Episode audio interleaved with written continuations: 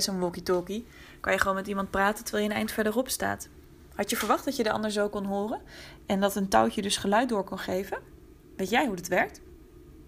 Ik vertel je er wat meer over. Geluid bestaat uit trillingen. En het touwtje kan dus een trilling doorgeven. Van het ene bekertje via het touwtje helemaal naar het andere bekertje. En als je dan dus je oor daar goed bij houdt in het bekertje, hoor je het geluid wat de ander maakte.